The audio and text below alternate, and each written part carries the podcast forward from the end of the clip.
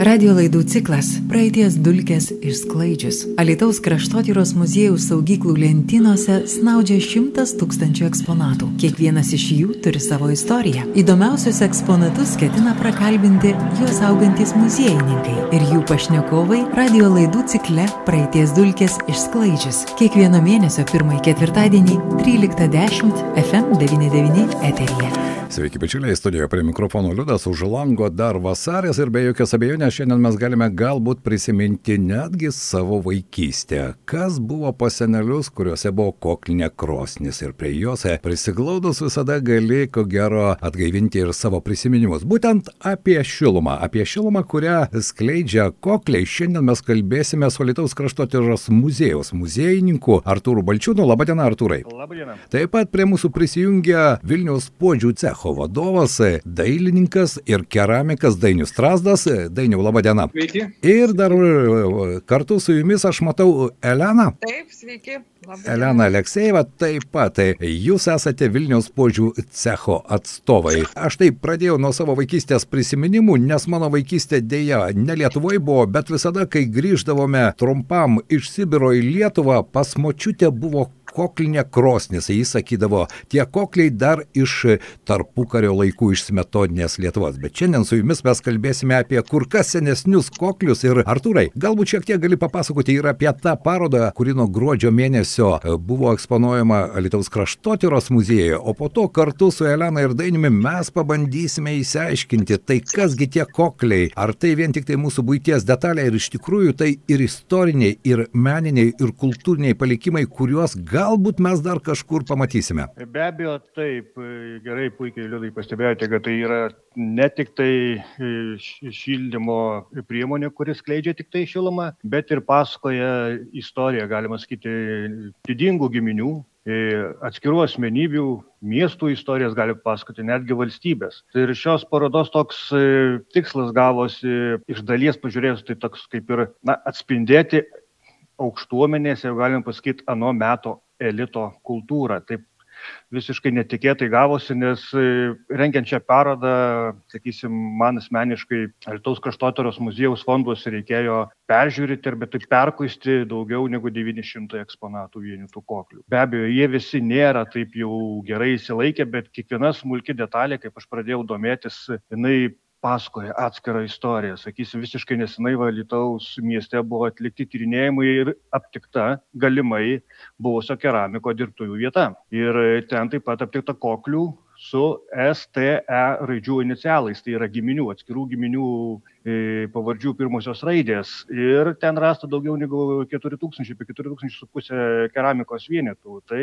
prašau, ir miesto istorija. Arturai, kur šis lobis buvo rastas? Kalnų gatvėje. Kalnų gatvėje. Na štai, įdomu, įdomu. Viskas aišku, tie, kurie gyvena seniau Lietuvoje puikiai prisimena ir žino, kur yra Kalnų gatvė, ko gero, ar ne? Ir štai toks kiekis eksponatų. Ar jie visi taps eksponatais? E, be abejo, ne.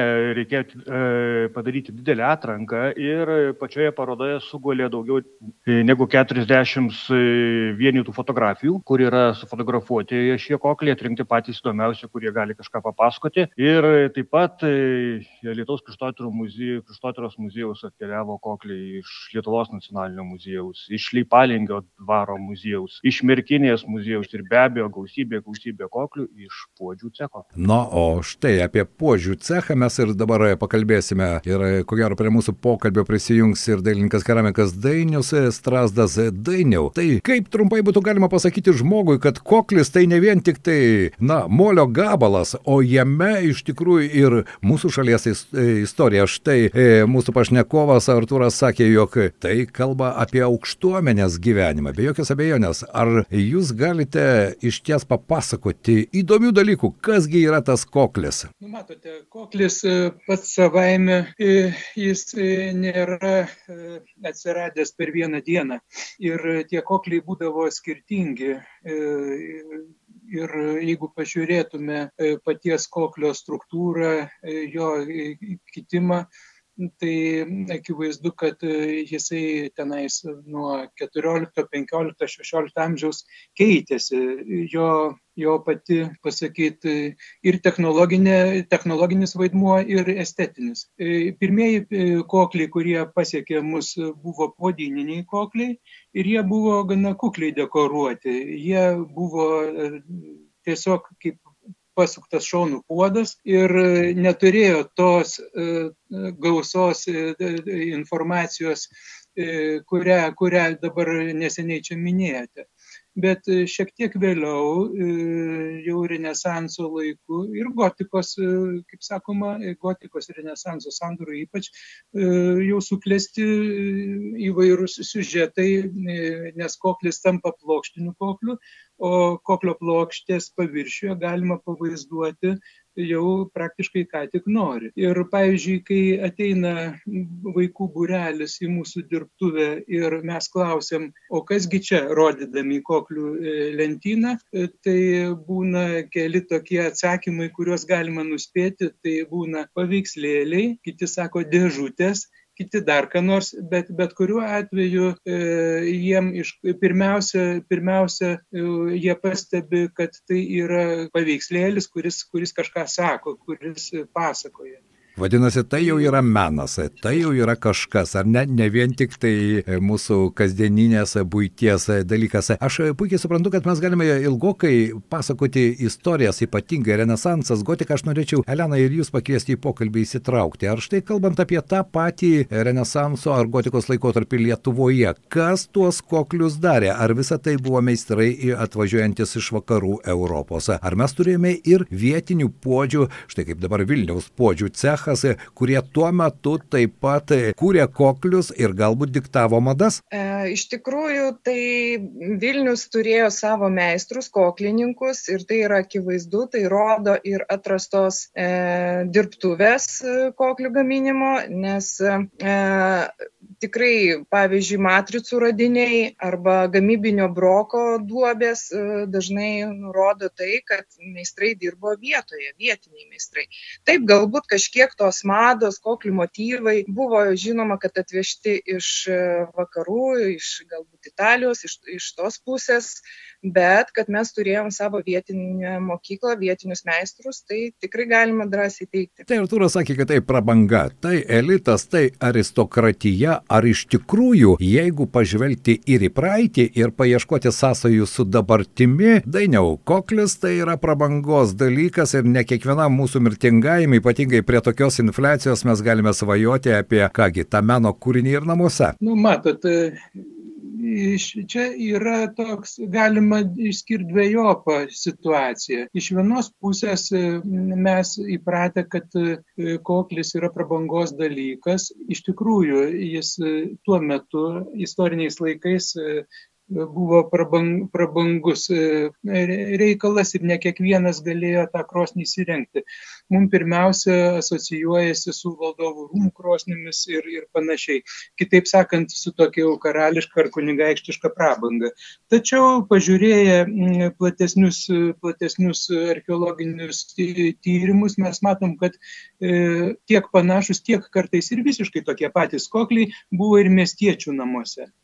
E, tai iš tos pusės vėlgi e, ta prabanga nėra, nėra tik tai valdoviška prabanga, tai yra ir, ir pasiturinčio miestiečio prabanga. O šiaip aišku, kad e, skyrėsi tie kokliai ir skyrėsi, e, kaip pasakyti, gebėjimai įsigyti ir būdavo tuo pat metu ir paprastesnių koklių. Aš manau, kad e, žmogus galėjo pasirinkti tiek glazūruotą sudėtingą koklį įsigyti, nu, krosnių, koklių komplektą savo krosnį, tiek galėjo pasirinkti ir paprastesnį variantą.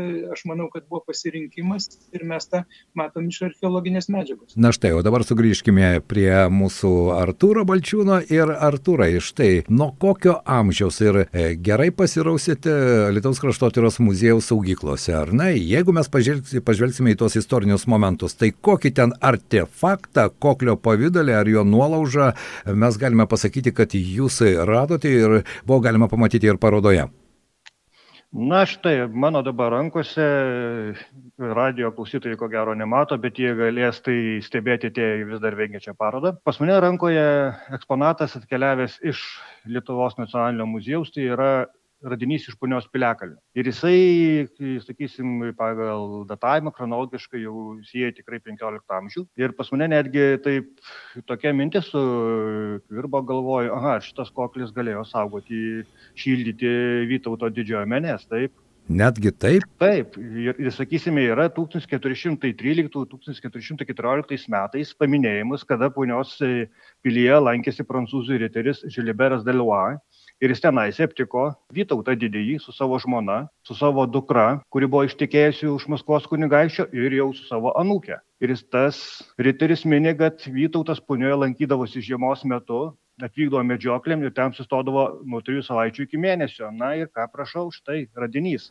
O tų tokių radinių punios piliakalnyje yra gausybė, bet e, rengiant parodą nebuvo tas akcentas parodyti tik tai, pasakysim, vien tik tai punios piliakalnio radinius, nes vien tik tai, sakysim, 1962-63 metais tyrinėjimo metu vien tik tai pietinėje piliakalnio perkasos vietoje buvo rasta apie tonas keramikos šukių. Tai galima įsivaizduoti, kokias ten lobių kiekis galėjo būti koklių. Taip, Tai galima drąsiai pasakyti, kad Vytautas didysis vieną savo šoną vis dėlto jau šildė prie koklio, ar ne? Ir tai buvo būtent punioje. Beje, kalbant apie ekspoziciją ir apie tuos koklius, kurie eksponuojami, jie ne tik atkeliavo iš Vilniaus, bet iš esmės, Artūrai, jūs tengiatės pristatyti Pietų Lietuvos regiono koklius, ar ne? Be abejo, taip, be abejo, taip. Ir kaip tokį pavyzdį galiu štai parodyti, aš irgi čia kiekvieną eksponatą aš rodydamas lankytojus kviečiu apsilankyti parodoje, nes tai yra įdomus. Štai yra koklis iš Lypalinkos dvaro muziejaus. Labai pošnus taip.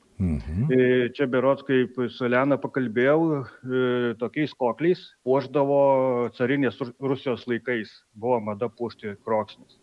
Kodėl tai yra koklis, mes matome, tai yra e, tokia anga, jau kur ko gero, jei nesuklysiu, dainius pantrins ir Elena molių pridrėpti, ko gero, taip? Taip, taip. Ir, taip, čia vadinamas koklio kaklelis. Ir e, labai dažnai archeologai apsigauna, rasdami kažką panašaus į štai tokias plokštės.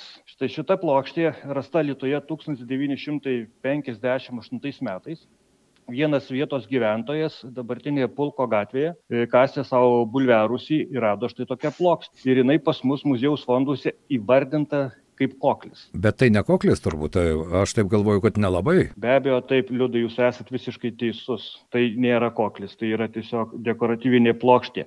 Bet pas mus inventorinėje knygoje jisai įvardytas kaip koklis. Aš labai apsidžiaugiau, aš netgi iš pradžių galvojau e, parodos reklaminį plakatą daryti. Štai čia matome porą, taip, sakysim, taip. klasicizmo laikotarpis, galima atkurti visą kostiumą. Tai irgi labai didelė ir gausi informacija, bet dėja tai nekoks. Bet mes ją galim pasidėti šitą plokštę prie krosnis ir ją žiūrėti.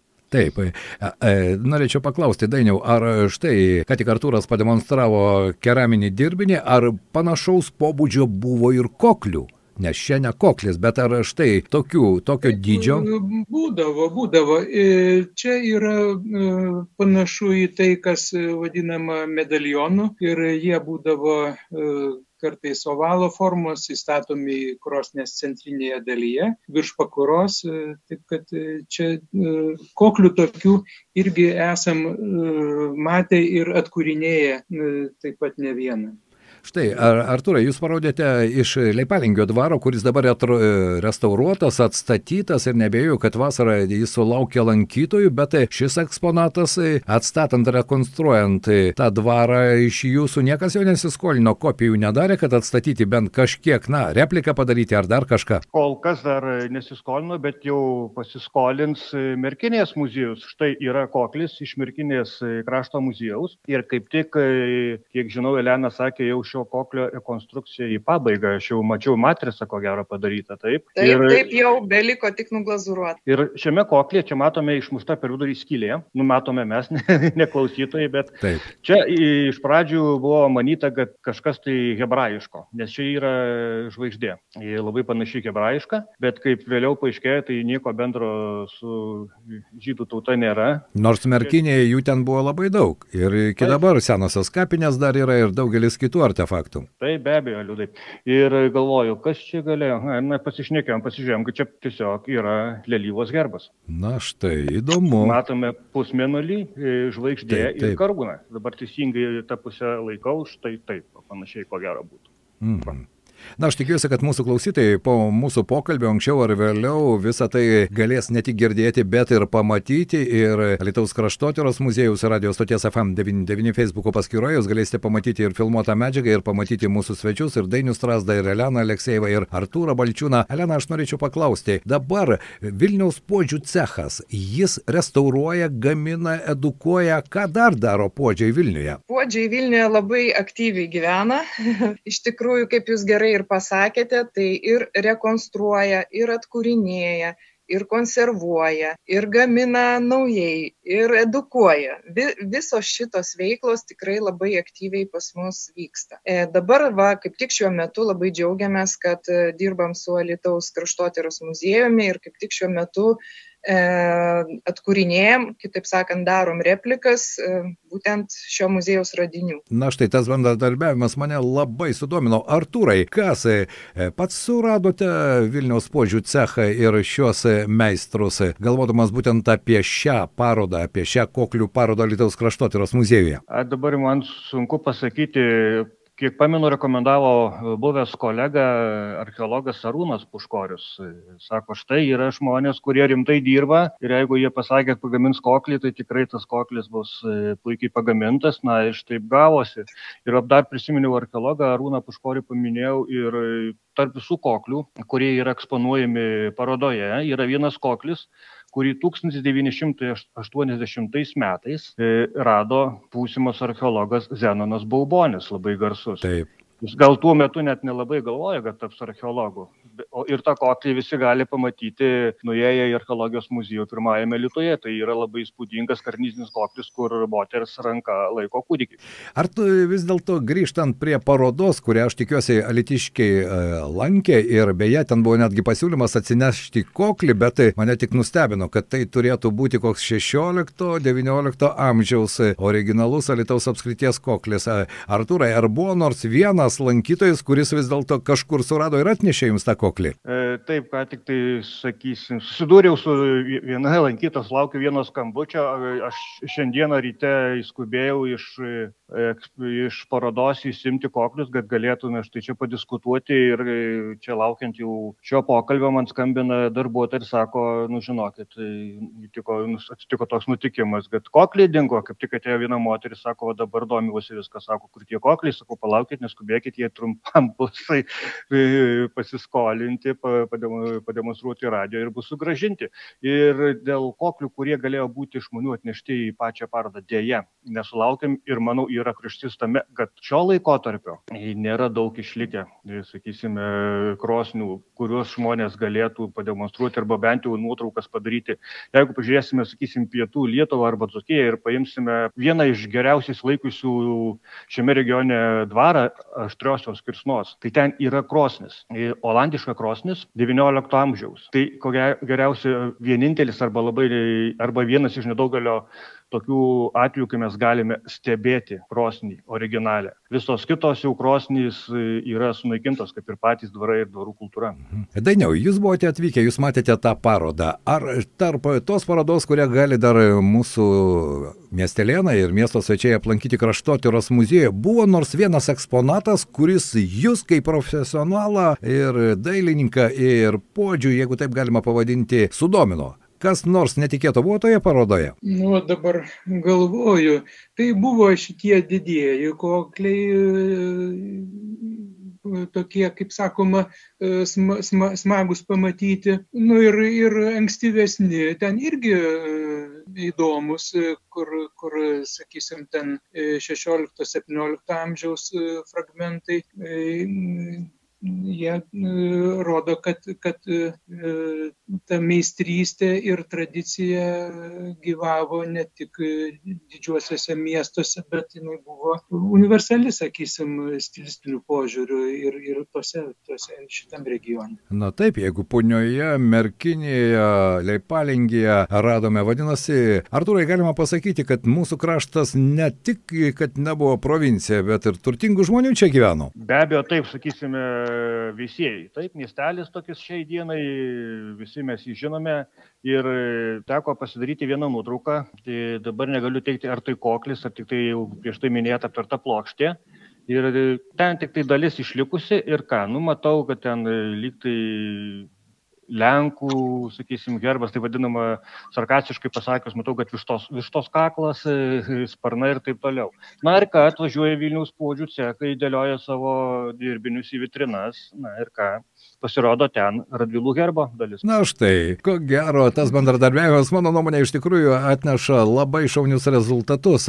Elena, jums įdomu buvo e, dalyvauti šiame procese ir štai Artūrui ruošiant tokią parodą? Tikrai labai įdomu vienas dalykas visada įdomu išlysti iš savo komforto zonos iš savo dirbtuvės ir su tikrai tuo įdirbiu ta didele kolekcija kokią mes turime e, išvažiuoti į gretimas e, į gretimus miestus į gretimus muziejus visada tai yra didis džiaugsmas rodyti dalintis e, nes kokia tada prasmė viso to kad tu atkūrinėji ir tau nugula tavo lentynose. Tai ta sklaida yra galbūt nu vienas iš didžiausių malonumų vat mums meistrams e, kad tas vyksta, tai yra puiku. Na štai, nuo šilumos iki prabangos, kaip koklis tapo meno kūriniu, ko gero mes galime kalbėti ir kalbėti, bet svarbiausia ateiti, prisiliesti ir ką tu gali žinoti, galbūt pajusti tą istorijos šilumą, man irgi tai yra svarbu, tad šiandien aš noriu padėkoti mūsų svečiams Elena Aleksejeva, Dainius Strasdas ir Arturas Balčiūnas, Alitaus kraštotyros muziejaus muziejininkas, nespėjome mes visko